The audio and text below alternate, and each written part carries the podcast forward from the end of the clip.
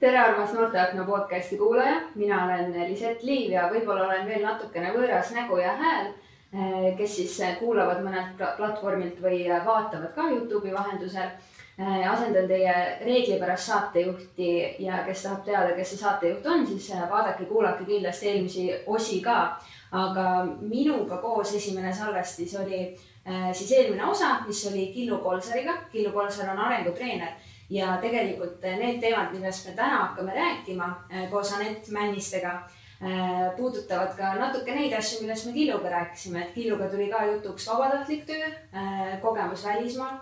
et kuna mul ongi siin siis au tervitada Noorteakna podcasti Anett Männist, et nagu ma mainisin, kes on siis Euroopa Solidaarsuskorpuse programmijuht siis ma võib-olla natukene lasekski sulle tutvustuseks rääkida, et missuguse programmiga siis tegu on, et minu jaoks on sellised märksõnad tuttavad siis nagu ma mainisin ka, et kas siis töö või vabatahtlik töö kodumaal või siis välismaal ja pakute seda noortele, eks. aga natukene võib-olla tutvustuseks, et millega tegu on ja tere ka minu poolt ja tegemist on siis ühe rahvusvahelise programmiga, mida rahastab Euroopa Komisjon ja selle eesmärgiks on see, et noored jõuaksid ühelt poolt välismaale, ennast arendama, teiselt poolt ka see, et üldiselt solidaarsus ja selline kogukonnatunne suureneks. ehk siis see programm tegelikult ei ole üldse vana, see sai alguse aastal kaks tuhat kaheksateist ja mõttega pakkuda siis peamiselt vabatahtliku töövõimalusi Euroopas ja solidaarsusprojekte ehk siis selliseid kohalikke kogukonnaprojekte. ja paar aastat sellest algusest olid ka töö ja praktikaprojektid selle osa, kuid nüüd alates eelmisest aastast nad enam ei ole seda ja neid asju saab siis teha teiste programmide alguses. aga jah, põhimõtteliselt sellised kaks peamist äh, tegevustüüpi on siis kohalikud projektid ja siis vabatahtlik töö või teenistus ja noh, sa natukene enda jutus juba võib-olla mainisid ka seda vastust minu järgmisele küsimusele, aga mis selle äh, korpuse nagu eesmärgid ja väärtused on? põhiline eesmärk oligi selles, et kuna Euroopas on väga palju muutusi toimumas, ühelt poolt nüüd praegu pandeemia, teiselt poolt aastal kaks tuhat kaheksateist oli migratsioon hästi suur teema siis äh, tekkis idee äh, Euroopa Komisjonist, et võiks kuidagi rohkem sellist ühtehoidvuse ja ühtekuuluvuse tunnet olla. ja kõige paremini seda saab tekitada läbi selle, et sa koged mõnda teist kultuuri, mõistad, et sa ei ole siin maailmas üksinda, et siin on ka teised kes sageli jagavad sinuga täiesti samu väärtusi. aga selleks, et seda nagu praktikas ka mõista, siis väga tihti peab inimene elamagi selles teises kultuuriruumis. ja sellega siis sisuliselt äh, sellest tulenevalt siis üritatigi luua programm, mis annaks võimaluse noortel äh, ise pikema aja jooksul, aga ka lühema aja jooksul seda kogeda. ja sellised äh, läbivad väärtused ongi mitmekesisus, solidaarsus, nagu nimigi ütleb, kogukonnatunne ähm,, ka selline üldine äh,, üldine nii-öelda tolerants teiste inimeste suhtes, et need on need, mida see programm sisuliselt edasi kannab ja seda saab siis teha nii kohalikul tasandil kui ka rahvusvahelisel okei okay., ja no ma nõustun täielikult, et nii lihtne on vahepeal ära unustada, et maailm on palju suurem kui see meie väike mullikene on ju mm -hmm. ja, ja nii lihtne on äh, mõelda, et äh, keegi seal kaugel kuskil mõtleb teistmoodi kui meie, aga tegelikult on ju nii palju äh, pidepunkte, milles äh, nagu koostööd äh, arendada mm. -hmm. aga lähmegi võib-olla nende tegevussuundade äh, sisse nagu lähemale, et võib-olla alguses natuke sellest vabatahtlikust teenistusest et äh, mul on siin väike spikker ka, spikker ei ole, ei ole häbiasi ja, ja tahtsingi sinult äh, uurida, et äh, mis on selle äh, üldse vabatahtliku teeni-, teenistuse siis äh, eesmärgid eraldi nagu mm? -hmm. vabatahtliku teenistusel on põhimõtteliselt sellist kolm peamist nurgakivi, millest me alati räägime, et üks on see, et noor ise hästi palju areneb selle kogemuse käigus saab enda kohta midagi teada, saab uusi oskusi juurde, tema väärtuspilt kujuneb välja aga teine pool sellest on see, et äh, noor toimetab alati organisatsioonis ehk siis ta ei saa lihtsalt äh, omaette teha seda vabatahtlikku tööd, vaid ta peab minema kuskile, kus on selleks reaalne vajadus. ja see tähendab ka seda, et see organisatsioon saab nii-öelda töökäsi juurde, aga ka teiselt poolt sellist äh, suuremat väärtust teisest kultuurist või teisest kogukonnast tuleva inimese kaasamisel. ehk siis, kui me räägime näiteks nagu lasteaedadest või koolidest siis selles kontekstis need noored, kes seal õpivad, saavad aru, et okei okay,, maailm on tegelikult laiem ja meil on siin teisest kultuurikeskkonnast inimene. ja kolmas nurgakivi on siis seesama, et nad tegelikult paiknevad mõnes ägedas kogukonnas ja panustavad ka sinna et idee on selles, et nad ei jää ainult sinna organisatsiooni kinni, nad ei jää ainult enesekeskseks ja ei mõtle ainult enda peale mm, -hmm. vaid nad üritavad ja ka organisatsioon üritab aru saada, et mis see suurem väärtus siis päriselt on, et kui me toome näiteks nagu kasvõi Tartu linna vabatahtlikku, et mida see tegelikult inimeste eludes muudab, mis see organisatsiooni struktuuris muudab ja laiemalt siis kogukonnas ka. ehk siis kogukond, noor ise ja organisatsioon on need põhilised, põhilised nii-öelda mõjukohad, kus see vabatahtlik töö väljendub olgu, äh, ma tahtsingi tegelikult küsida ka, et mida üldse organisatsioon sellest saab, on ju, mida saab see vabatahtlik, kes sinna läheb, aga tegelikult sa vastasid äh, väga hästi. Aga küsiks siis kohe, minul tekkis küll tunne, et tahaks minna, on ju, et äh, kes sinna saab, kuidas sinna saab, et natukene sellest. Mhm. kõik noored vanuses kaheksateist kuni kolmkümmend on Euroopa Solidaarsuskorpuse peamine sihtgrupp. Ja see tähendab siis seda, et äh, sul ei pea olema mitte mingeid muid tingimusi täidetud, välja arvatud see, et sa oled Euroopa mm, Liidust või äh, siis sellistest äh, kõrvalriikidest pärit ja et sa oled selles vanusegrupis mm. -hmm. ehk siis ma arvan, et see ongi kõige olulisem, et seal ei ole nagu piiranguid ette seatud selles, et sul peab olema mingi teatav raha, et osaleda, et see on tasuta. või siis see näiteks nagu, et sa pead olema teatud haridustasemega või siis see, et sa pead midagi juba oskama ette mm. -mm, tegelikult kõik on oodatud et ka keeletase ei ole öö, põhimõtteliselt nõutud, et sa saad ka mhm. keele ju õppida selle kogemuse jooksul selgeks, et ka Eestisse on tulnud noori, kes ei räägi praktiliselt ühtegi sõnaga inglise keelt ja saavad suurepäraselt hakkama. no keele selgeks saamiseks peab ju mingi perioodi ikkagi kohapeal olema, et kui kauaks üldse minna saab, kas on nagu mingid erinevad äh, perioodid nagu näiteks üks kuu, kaks kuud, pool aastat või kuidas need on jaotatud? on kahte tüüpi teenistusi. Äh, lühem teenistus on kaks nädalat kuni kaks kuud ja see on peamiselt suunatud vähemate võimalustega noortele, kelle all me peame siis silmas noori, kellel on näiteks majanduslikud raskused, erivajadused, kes on äärealadelt pärit ja nii edasi. Ja alates kahest kuust kuni kaheteistkümnenda kuuni on see kõigile avatud ja see on selline pikaajaline teenistus. ehk siis kuni aasta aega saab sisuliselt olla välismaal ja võib-olla selline oluline asi mainida, et just see lühiajaline teenistus on mõeldud, et äh, vähemate võimalustega noor katsetab ära, vaatab, kas on sobiv talle ja siis seejärel läheb pikale teenistusele mm. -hmm. et see järjekord peaks nagu niipidi olema ja tegemist on ühekordse võimalusega elus, ehk siis kui ühe korra ära käid, siis kahjuks rohkem ei saa. Aga noh, see ongi selle eesmärgiga, et võimalikult palju noori saaks et muidu meil oleks need nagu sarirändajad, kes käiksid lihtsalt riigist riiki ja mul tekkis kohe küsimus ka, et kas on neid ka, kes äh, käivad äh, mitmeid ja mitmeid kordi? on neid, kes väga tahaks ja, ja okei okay., aga kordame korraks selle üle, et kust saab selle kohta rohkem infot, et kui ma nüüd kohe tahan äh, kandideerida? põhiline koht on euroopanoored.eu, mis on meie enda koduleht ja sealt saab siis sellise ülevaate, et millega tegemist on ja kust alustada.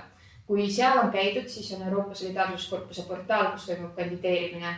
Ja see alguses võib-olla tundub natukene hirmutav, sest seal peab mingit kasutajanime tegema ja noh, et ei saa lihtsalt niisama ringi vaadata otseselt.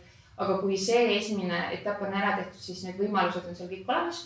Ja saab ringi vaadata, mõelda, et kui kauaks, kuhu, mis riiki, mis teema, sest need teemavaldkonnad on ka hästi laiad. nii et sealt saab nii-öelda brausida ringi neid erinevaid võimalusi, põhimõtteliselt nagu selline CV online, et vaatate, et mis, mis variandid olemas on okei okay., eh, sina kui pro programmijuht, sa ilmselt oled nagu mingite juttude või kogemustega rohkem kursis ka, mis on noortel olnud, eh, kes on kuskil käinud, et eh, mul üks siin punktikene ongi kirjas, et ma tahaks kuulda, kui sul tuleb midagi pähe, kas siis mingit head näidet või halba näidet, mis oleks nagu õppimismomendiks, enne kui sa seda teekonda hakkad nagu läbima mm. -hmm. Neid äh, lugusid on selles mõttes hästi palju ja noori on ka hästi palju, et Eestis on ka circa sada kolmkümmend, nelikümmend noort aastas, kes tulevad siia teenistust tegema mm. -hmm. et ma arvan, et võib-olla kõige sellised äh, ägedamad äh, juhused ongi olnud kohalikes kogukondades, kui äh, on inimesed, kes elavadki näiteks sada inimest on ühes külas, eks ju, ja siis keegi tuleb ja läheb sinna elama ja ta jääb absoluutselt kohe inimestele silma, sest on see esimene mhm. võõras nägu seal ja kuidas tegelikult äh, on kõige paremad sellise uue inimese toetajad üldjuhul vanaemad äh, ja äh, emad ja isad ja sellised vanemad inimesed.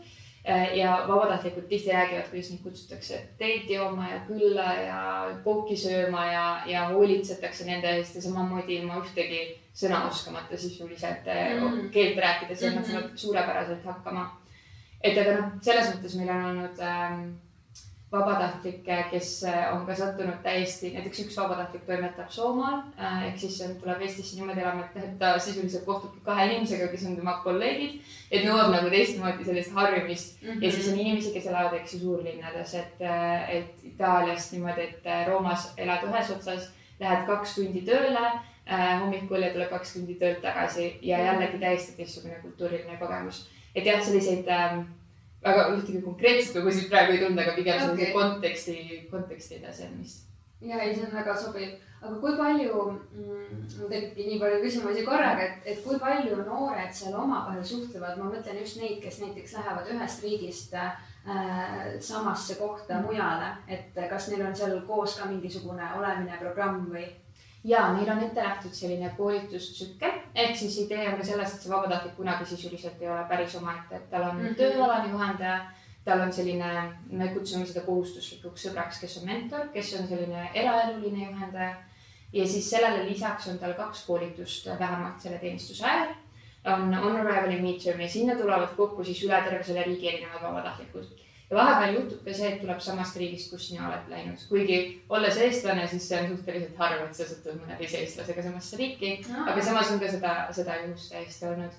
ja lisaks meie korraldame ka eraldi koolituse, enne kui noored lähevad üldse enda teenistust tegema, anname sellise ülevaate ja ka seal näiteks nagu üks minu väga hea sõbranna tuli just sellelt koolitusest, kus ma ka ise käisin, et sellised nagu elu läbi kestvad sõprused võivad ka sellest täiesti alguse saada, et sa saad kellegagi tuttavaks, kes teeb sama kogemuse läbi mm. -hmm. ja need äh, koolitused ongi üldjuhul selline lemmikosa, sest et sa täpselt seesama, et sa ei ole järsku üksi selle kogemusega, sest see on nii suur elumuutev samm tegelikult minna aastaks kuskile mujale elama.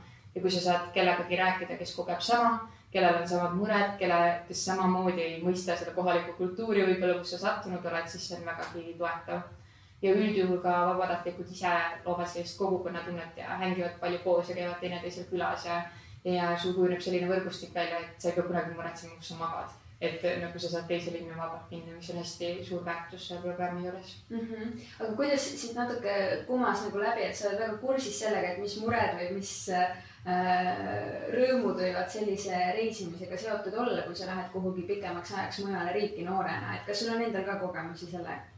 Sellega? ja on, äh, ma ise elasin äh, kaks tuhat viisteist Tšehhis aasta aega vabatahtlikuna ja see on ka see, kuidas ma sellesse maailma üldse sisse sattusin. ja ma, mis ma näen enda teenistusest ja nüüd, kuna ma tegelen nende noortega, kes on Eestis, siis nagu ma ütlesin ka, siis see järsku muudab kogu enda elu ära, sa alustad täiesti nullist, täiesti uues keskkonnas ja kindlasti see toob esile mingeid mõtteid ja emotsioone ja muresid võib-olla, mida sa ei ole käsitlenud mõnda aega aga ma arvan, et see programm on ka nii toetavalt üles ehitatud, et sa ei jää üksinda, et sulle tagatakse nagu abi ja tugi. Ja, ja samas ka need, kellel on võib-olla natuke kasinamad kogemused, sest seda tuleb kõik ette, et võib-olla on näiteks üks noor oli selline, kes ei teadnud enne, kui ta hakkas lastega töötama, et ta täiesti paaniliselt kardab lapsi. Mm.. nii et ta oli lasteaias ja siis laste nagu selline punt jooksis talle vastu ja siis ta jooksis ise teisele poole, siis see tekitas temas tohutut paanikat. Ja see on väga okei okay,, sest jälle saad kogemuse võrra rikkamaks ja, ja sa saad midagi enda kohta teada, et ja teistpidi on neid inimesi, kes teevadki näiteks sotsiaalvaldkonnas projekte ja mingi, et okei okay,, ma tahan siin töötada või noh, mina, kes ma tegin noorsootööd mm -hmm. ja sain aru, et okei okay,, see on see valdkond, millega ma tahan ennast tõesti siduda. et see võib nagu mõlemat pidi minna, küll aga ma arvan, et see annab enda kohta hästi palju infot edasi mm. -hmm. ma mõtlengi, et, et võib-olla noh, see on nüüd muidugi selline küsimus, millele ma võiks vastust, vastust ise teada ka, aga et et äh, miks on oluline käia niimoodi väljas välismaal, miks ma pean minema, miks ma ei võiks enda kodumaal edasi istuda ja siin teha projekte? kusjuures siinkohal tasub öelda seda ka, et tegelikult saab ka Eesti-siseselt sedasama asja teha mm, -hmm. et mhm. äh, näiteks meil on üks noor, kes äh, läks Narva tegema enda vabatahtlikku teenistust, et täiesti võimalik ka. aga ütleme, et miks üldse minna ähm,? ma arvan, et hästi suur kihk on vajalik, et maailma avastada ja ennast avastada. et see kasv-, mina enda arvates arvan vähemalt, et see kasvatas mind inimeseks, see andis mulle mingid oskused kätte. ma õppisin, kuidas teha hautist, sest mul tekkis räige hautiseisu ja ma ei olnud nagu mitte kunagi ise nullist teinud seda, mis tundub absurdne mm. -hmm. aga nagu see, noh, see nõuab sinu käest midagi teistsugust ja on inimesi, kes teevad seda siis, kui nad on kaheksateist, on inimesed, kes teevad seda, kui nad on kakskümmend üheksa ja tahavad aru saada, et mis vajab nende elus muutmist on inimesi, kes tulevad sealt tagasi teise karjäärivalikuga, on inimesed, kes tulevad elukaaslasega tagasi mm. -hmm. et sellised vabatahtliku teenistuse beebisid on väga palju maailmas olemas. et, äh, et aga, et noh, see ongi see, et sa kuidagi üldjuhul on mingi rahutus sinu sees, mida sa tahad siis, äh, millega sa tahad tegeleda. mingi vastus mingile küsimusele mm. -hmm. ja kuna see on selles mõttes suhteliselt turvaline võimalus ikkagi seda teha, et sul on see tugistruktuur ja nii edasi olemas siis ma arvan, et see on selle koha pealt hästi hea variant, et kui sul on see nagu kiht minna kuskile või sa tahad mingeid vastuseid saada, et kui juba minna, siis miks mitte tasuta programmiga, kus sul on noh, nii-öelda tugivõrgustik olemas. ja ma olen täiesti nõus, aga mida sa soovitaksid kellelegi, kes äh, ikkagi näeb nagu neid muresid selle minekuga seoses rohkem kui äh, rõõmu ja nagu kuidagi kardab või ikkagi nagu takerdub millegi taha kinni, et kuidas sa seda julgustaksid? Pigem siis alustada lühiajalisest tegevusest, et ongi kas see lühiajaline teenistus või siis ka näiteks noortevahetused ja muud sellised rahvusvahelised võimalused, et käia korra ära ja kogeda, et okei okay,, kas mulle üldse läheb peale olla teistest kultuurist inimestega koos ja kõik need väiksed asjad. et see natukene aitab mõista seda, et mida see tegelikult tähendab. või siis alustada siseriiklikult, et on ka see variant täiesti olemas ma ei tea, Tallinnast, äh, Tallinnast Lõuna-Eestisse kolimine võib olla mõne inimese jaoks täiesti suur elamus mm. -hmm. et, et ei pea üldse alustama sellega, et kohe teise riiki minna, et saab ka palju väiksemat ja pisikesed sammud, saad aru, kas sulle sobib see ja on väga okei okay ka, kui ei sobi. et kõik maailma inimesed ei pea vabatahtlikuks minema, aga just see minu meelest on oluline, et kõik teavad, et meil on see võimalus olemas. ja selleni ma tahtsin jõuda ka, et et kas üldse kõigile on see sobilik, et see on täiesti okei okay,, kui ei ole, aga mm -hmm. sa ei saa kunagi teada, kui sa ei katseta, on ju. ja, ja täiesti okei okay on ka pooleli jätta, et on noori, kes lihtsalt tunnevad ühel hetkel, et see ei ole neile mõeldud ja mm, -hmm. ja keegi ei hoia nagu kinni, et pigem me julgustame, et okei okay,, kui sa tunned niimoodi, et siis on täiesti fine mm. -hmm. ja see pooleli jätmine on selline huvitav teema nagu teistes elualades ka vaata mm, -hmm. et, et kuidagi selle ümber võib-olla käib nagu mingi süütunne kaasas, et ma võtsin ju kelleltki teiselt võimaluse nagu minna ja nüüd ma ei taha mm -hmm. sellega lõpuni minna. aga kas ise oled olnud sellises olukorras, kus on mingisuguse projekti või asja jäetud pooleli? ja absoluutselt, absoluutselt ikka olen, et äh, see allaandmise tunne on kõige keerulisem, et kuidas ma siis ei saa, kuidas ma ei ole, kuidas ma ei leia endast seda kihki, eriti kui sa tead, et tegelikult on ju tegemist hea asjaga mm. -hmm. aga ma arvan seda, et ähm, lõpuks on lõpuks on igal asjal oma aeg ja koht ja teiselt poolt on ka see, et miks ennast sundida lihtsalt läbi millestki minema, mis ei ole tegelikult sulle mõeldud mm. -hmm. et sa raiskad ka enda aega ja raiskad teiste aega, et, et just seesama, mis sa ütlesid ka, et sa võtad nagu teiselt inimeselt võimaluse ära, et tihti on ka see, et sellega sa annad ka teisele inimesele võimaluse üldse teha seda, kui sina otsustad eest nii-öelda ära tulla mm. -hmm. ja mida ma olen ka näinud, et kui ma ise ka olen äh, väga tihti ennast üle koormanud asjadega ja ma ütlen inimestele, et okei okay,, ma ei, ma ei jaksa või ma ei saa siis keegi ei ole üldjuhul pahane, kõik on pigem mõistvad ja tänulikud, et keegi võtab selle otsuse vastu, sest väga paljud inimesed ei julge seda otsust vastu võtta ja on selles frustratsioonis nii-öelda kinni. et jah, selle koha pealt on hästi oluline tõesti läbi mõelda ka, miks seda tegema minna mm. -hmm. et kui lihtsalt ainult põgenemise eesmärgil, äh, siis seda on ka näha, et need teenistused on natuke õnnetumad tavaliselt, et pigem nagu ja mingi sügav sisemine põlemine või vajadus ikkagi minna peab olema ja ma ei taha sellele liiga palju keskenduda, aga kui ma nüüd olen seal välisriigis näiteks ja tahan seda asja pooleli jätta, et siis kuidas see protsess välja peaks nägema? põhimõtteliselt lihtsalt annad enda organisatsioonile teada, üldjuhul nad räägivad sinuga läbi, kas see on mõistlik otsus, kas mitte ja toetavad sind või noh, aitavadki mõelda, et mis need lahendused võiksid olla. aga kui on see lõplik otsus käes, siis nad aitavad sul ka tagasi koju jõuda, et ei ole see, et sa pead ise nagu tegelema sellega, et nad aitavad lennupiletid ja muu vajalikku leida ja tegelikult ongi see, et Eesti poolt me pakume ka psühholoogilist tuge ja coach'i tuge, ehk siis on inimene, kellega sa saad enne võib-olla selle ähm, otsuse läbi rääkida, kes ähm,, keda sa ei tea nii hästi võib-olla, aga kes oskab anda sellist nagu muud vaatenurka mm. -hmm. et see on ka üks variant, mida päris paljud noored on kasutanud ja tihti leidnud ka tegelikult mingid lahendused, mille peale nad enne ei ole tulnud. aga just see ka, et jah, et sa ei jää nagu üksi selle otsusega päris ja see kõlab väga lahedalt, ma ei ole varem kuulnud, et sellist coaching ut või äh, psühholoogi äh, aspekti sinna juurde pannakse ka, kui mingisugune taoline projekt on mm. -hmm. aga võib-olla lähekski siis selle solidaarsusprojektide poole, et mm -hmm. kordaks korraks üle, et mis see siis täpsemalt on ja siis läheks täpsemalt, et kellele suunatud ja mis eesmärgid ja solidaarsusprojektid on meie kõige nunnumad projektid, meile meeldib niimoodi mõelda ja kõige lihtsamad projektid, millest alustada, et kui on sellist soovi Äh, hakata pihta mingi, mingi projekti tegevusega, siis mm -hmm. suurprojektid on see koht, kust pihta hakata. ja nad on eeskätt mõeldud siis mingi kogukonna muutuse esilekutsumiseks, ehk siis näiteks on noortegrupp või noor ise, kes näeb, et tänavatel on hästi palju kodutuid kasse või kes näeb, et kohalikud mingid kultuurikeskuse ruumid on alakasutatud noorte poolt või siis, kes tahab äh, näiteks nagu tutvustada äh, biokritterit, mis on keskkonnasõbralikum alternatiiv. Need nagu ideed on seinast seina täiesti mm. -hmm ja mõte ongi siis selles, et äh, need noored tulevad kokku, mõtlevad selle probleemi peale ja mõtlevad ka potentsiaalsete lahenduste peale.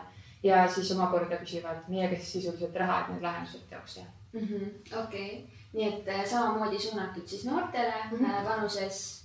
kaheksateist kuni kolmkümmend, et see on ka mm -hmm. täiskasvanud noortele ja siis omakorda sellele kogukonnale, kus nad toimetavad ja kogukond on hästi lai mõiste siin, et nagu ma tõin ka näiteks, et see võib olla tõesti jällegi, ma ei tea Urvaste valla kassid või Ants, nüüd on Antsla vald mm, -hmm. Antsla valla kassid või siis see võib olla ka näiteks nagu Eesti keskkonnahuvilised teised noored, et see mhm. võib olla temaatiline, piirkondlik, kuidas iganes noored näevad seda ise mm. -hmm. kas äh, sellel peab alati olema mingisugune mm,, kuidas ma nüüd ütlen, äh, nagu sa ütlesid ka, et keskkonnale nagu kasulik mõju või äh, see on see läbiv teema, et kui sa enda seda projekti kirjutad või taotled, et siis see peab teenima nagu seda eesmärki ka Äh, põhimõtteliselt kogukonnale ja siis jah mm -hmm., nagu laiemalt keskkonnale ka, et see mhm. keskkonnasõbralikkus üldiselt on nagu selline läbiv prioriteet. aga põhimõtteliselt me keskendume või noh, noored keskenduvad ühele konkreetsele kogukonnale mm, -hmm. kuhu see mõju võiks avalduda okei okay., aga kuidas täpsemalt see taotlemine välja näeb, et kas samad äh, leheküljed leiab äh, infot nagu vabatahtliku töögi puhul või mm? -hmm. ja euroopanoored.eu, seal on jällegi juhised olemas mm -hmm. ja seal on ka taotlusvorm ja põhimõtteliselt saab kahtepidi teha, ehk siis saab olla organisatsioon, mingi MTÜ või midagi muud, mille alt taotlus esitada või siis võibki olla täiesti see viis noort ehk siis minimaalselt viis noort kes on mitteformaalne noortegrupp, mis tähendab seda, et neil ei ole ühtegi sellist juriidilist äh, keha seal ümber, et nad ei ole mingi organisatsioon ametlikult. et siis sellisel juhul äh, sisuliselt kantaksegi ühe noore pangakontole see toetus, kui nad saavad selle ja tema siis allkirjastab lepingud ja nii kõik muud asjad.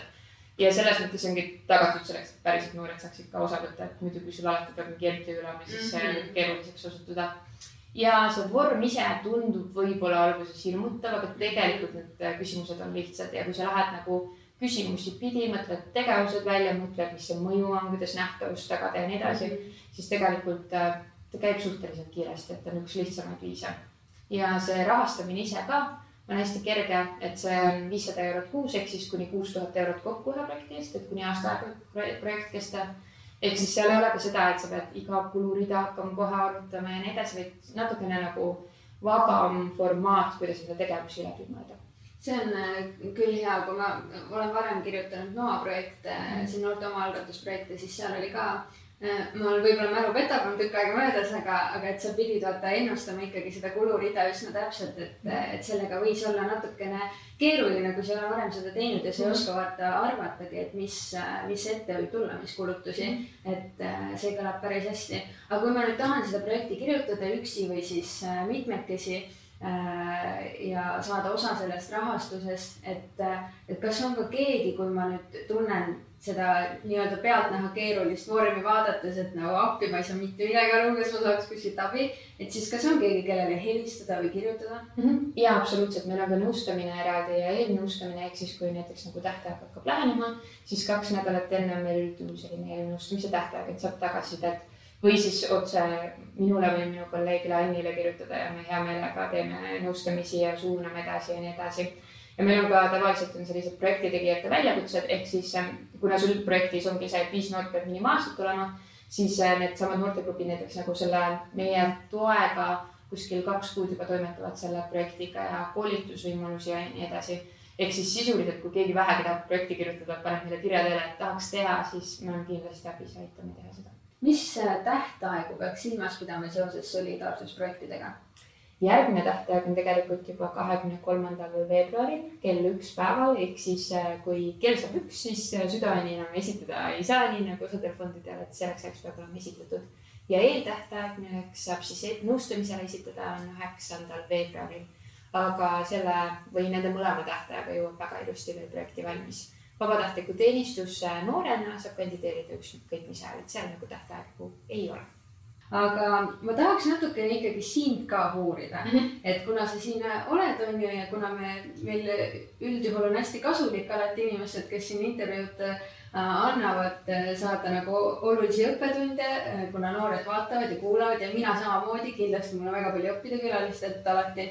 et siis kuidas muidu, anna natukene tausta, et kuidas sina selle korpuseni jõudsid ja sa oled ju praegu programmijuht, et sa võid seda natukene avada, seda töö või seda ametinimetust ka mm? -hmm mina jõudsin selleni läbi noorsootöö sisuliselt, ma läksin huvijuhiks õppima Viljandi Kultuuriakadeemiasse ja siis hakkasid minu ümber inimesed järjest käima erinevates rahvusvahelistes projektides ja ma sattusin ka kuidagi enda esimesse noortevahetusse mm. -hmm. Läksin põhimõtteliselt üksinda suvakate teiste eestlastega ja sealt see pall hakkas veerema. Ja ma tundsin, et okei okay,, et see mulle väga meeldib, selline rahvusvaheline noorsootöö ja need programmid, mis eksisteerivad ja need ägedad teised inimesed ja sealt edasi ma otsustasin siis minna vabatahtlikku tööd tegema aastaks. ja järgmine samm oli juba see, et ma hakkasin ise enda projekti tegema koos sõpradega, mis siis tekitas ka selle, et okei okay,, ma sain aru, et mul on mingid oskused, mida ma ei teadnud endas üldse olevat nagu mhm. projekti juhtimine, projekti kirjutamine, eelarve haldamine. ja kui see esimene projekt sai tehtud, siis sealt tekkisid järjest isu nagu järgmisi ja järgmisi ja järgmisi teha. Kuni ma hakkasin ise ka projektijuhtimise tööd tegema siis erinevates organisatsioonides. Läksin tagasi ka Kultuuriakadeemiasse tööle ja, ja sealt omakorda ma sain aru ühel hetkel, et okei okay,, noorte, noortevaldkond kui selline on ikkagi see koht, kus ma tahan olla ja siis äh, noorteprogrammide keskus või siis Erasmus pluss Euroopa Solidaarsuskorpuse agentuur on tegelikult selline ideaalne töökoht mulle, sest ma vaatasin neid inimesi kõrvalt ja neid koolitajaid ja nad tundusid mulle nii ägedad ja nii lahedad ja mm, -hmm. ja see töö tundus mulle nii tähenduslik ja siis ma hakkasin üritama sinna tööle saada, kuni see mul lõpuks aastal kaks tuhat üheksateist õnnestus, et ma nüüd olen paar aastat seal juba toimetanud. Ja minu töö on selles mõttes hästi mitmekesine ja põnev, alustades ka iga omadest administratiivülesannetest, aga kuna tegemist on avaliku rahaga, siis sellest ei pääse mm. -hmm. aga ka lõpetades sellega, et ma reaalselt näen neid noori kõrvalt ja ma näen, millised nad on enne teenistust ja pärast teenistust ja ja saan nende lugusid kuulda ja mõelda neile ägedaid uusi võimalusi välja ja näen neid solidaarsusprojekte ja kuidas kuidas inimesed ikkagi päriselt naudivad seda protsessi, kui nad saavad midagi ära teha või ka seda, kui kohalikud omavalitsused näiteks avastavad, et okei okay,, see on üliäge idee ja hakkavad ise seda edasi rahastama. et see mõju on tegelikult väga-väga äh, suur, mida ma näen enda igapäevases töös. selles mõttes mul on hästi suur privileeg olla selle positsiooni peal, et äh, ja väga paljude ägedate teiste inimestega kohtuda ja kuna see agentuuride võrgustik on ka üle-euroopaline, igas Euroopa Liidu riigis on agentuur siis mul on nagu sellised väiksed noortevahetused alati ka töös nii-öelda ees, et äh, need rahvusvahelised kohtumised jätkuvad, et sa nagu saad seda tunnet alles hoida edasi kanda, mis on kunagi alguse aegadest sinu sisse jäänud mm. -hmm ja, aga sa mainisid, et, et sa avastasid endas mingisuguseid omadusi, mida sa varem ei teadnud, et sul on, et äh, mis on need omadused, mida on vaja, et projekti juhtimist teha? Delegeerimis, delegeerimisoskus on põhiline ja selline iseenda vajadustest edasivaatamine ka. ja teisalt sa, teisalt sa pead olema hästi hea multitasker, et noh, paratamatult sul tulebki mitmeid erinevaid asju korraga sisse ja mitmeid erinevaid muresid. et sa pead olema nii nähtavuse hoidja kui eelarvehaldaja kui kontakt isegi inimestele ja mingeid lepinguid allkirjastama ja nii edasi. et seal on nagu väga palju selliseid väikseid detaile et ma arvan, et äh, see sobibki kõige paremini inimestele, kes on sellised nii-öelda kõige oskajad natuke, kõlab natuke egoistlikult, aga pigem on see mõeldud selles, et on inimesed, kes on ülihead mingis spetsiifilises oskuses nagu ma ei tea, viiulimäng või, või on suurepärased sportlased või mis iganes. ja siis on inimesed, kes oskavad natuke kõike mm -hmm. ja projektijuht on suhteliselt see inimene, kes oskab natukene kõike teha. ja nõustun täielikult ja ma arvan, et see ei ole isegi egoistlik, et, et noh, ongi, on spetsialistid ja siis on võib-olla inimesed, kes aitavadki kogu meeskonda juhtida ja panna mhm. kõik need spetsialistid nagu suurema eesmärgi nimel äh, tööle, eks ju.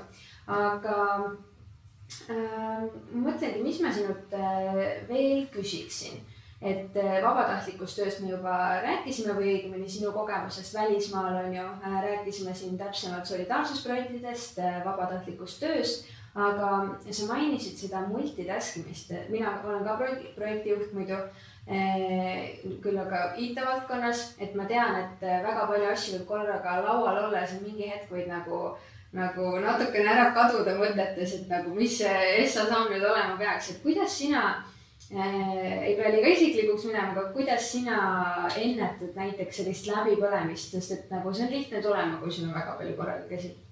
ma arvan, et ähm, jah, see on natuke teatud, mitte paratamatus ei ole kindlasti paratamatu, aga mm -hmm. see on tõesti selle positsiooni peal üks väga suur ohukoht. ja ma ise tunnen enda kogemuse pinnalt ka, et igasugune väga ettenägelik planeerimine tegelikult aitab seda kõige paremini, et et kui sa ülehindad enda võimeid ajaliselt, siis üldjuhul sa võtad ka liiga palju endale ette. et selline pidev ettemõtlemine, et kui palju mul tegelikult ajalisi ressursse on ja kuhu ma panen need ja ka see prioriteetide seadmine ja ei ütlemine on erakordselt oluline, et seesama, mis ma enne tõin välja ka, et keegi kunagi üldiselt ei pahanda, kui sa ei ütled, pigem on inimesed tänulikud, et sa selle otsuse vastu võtad.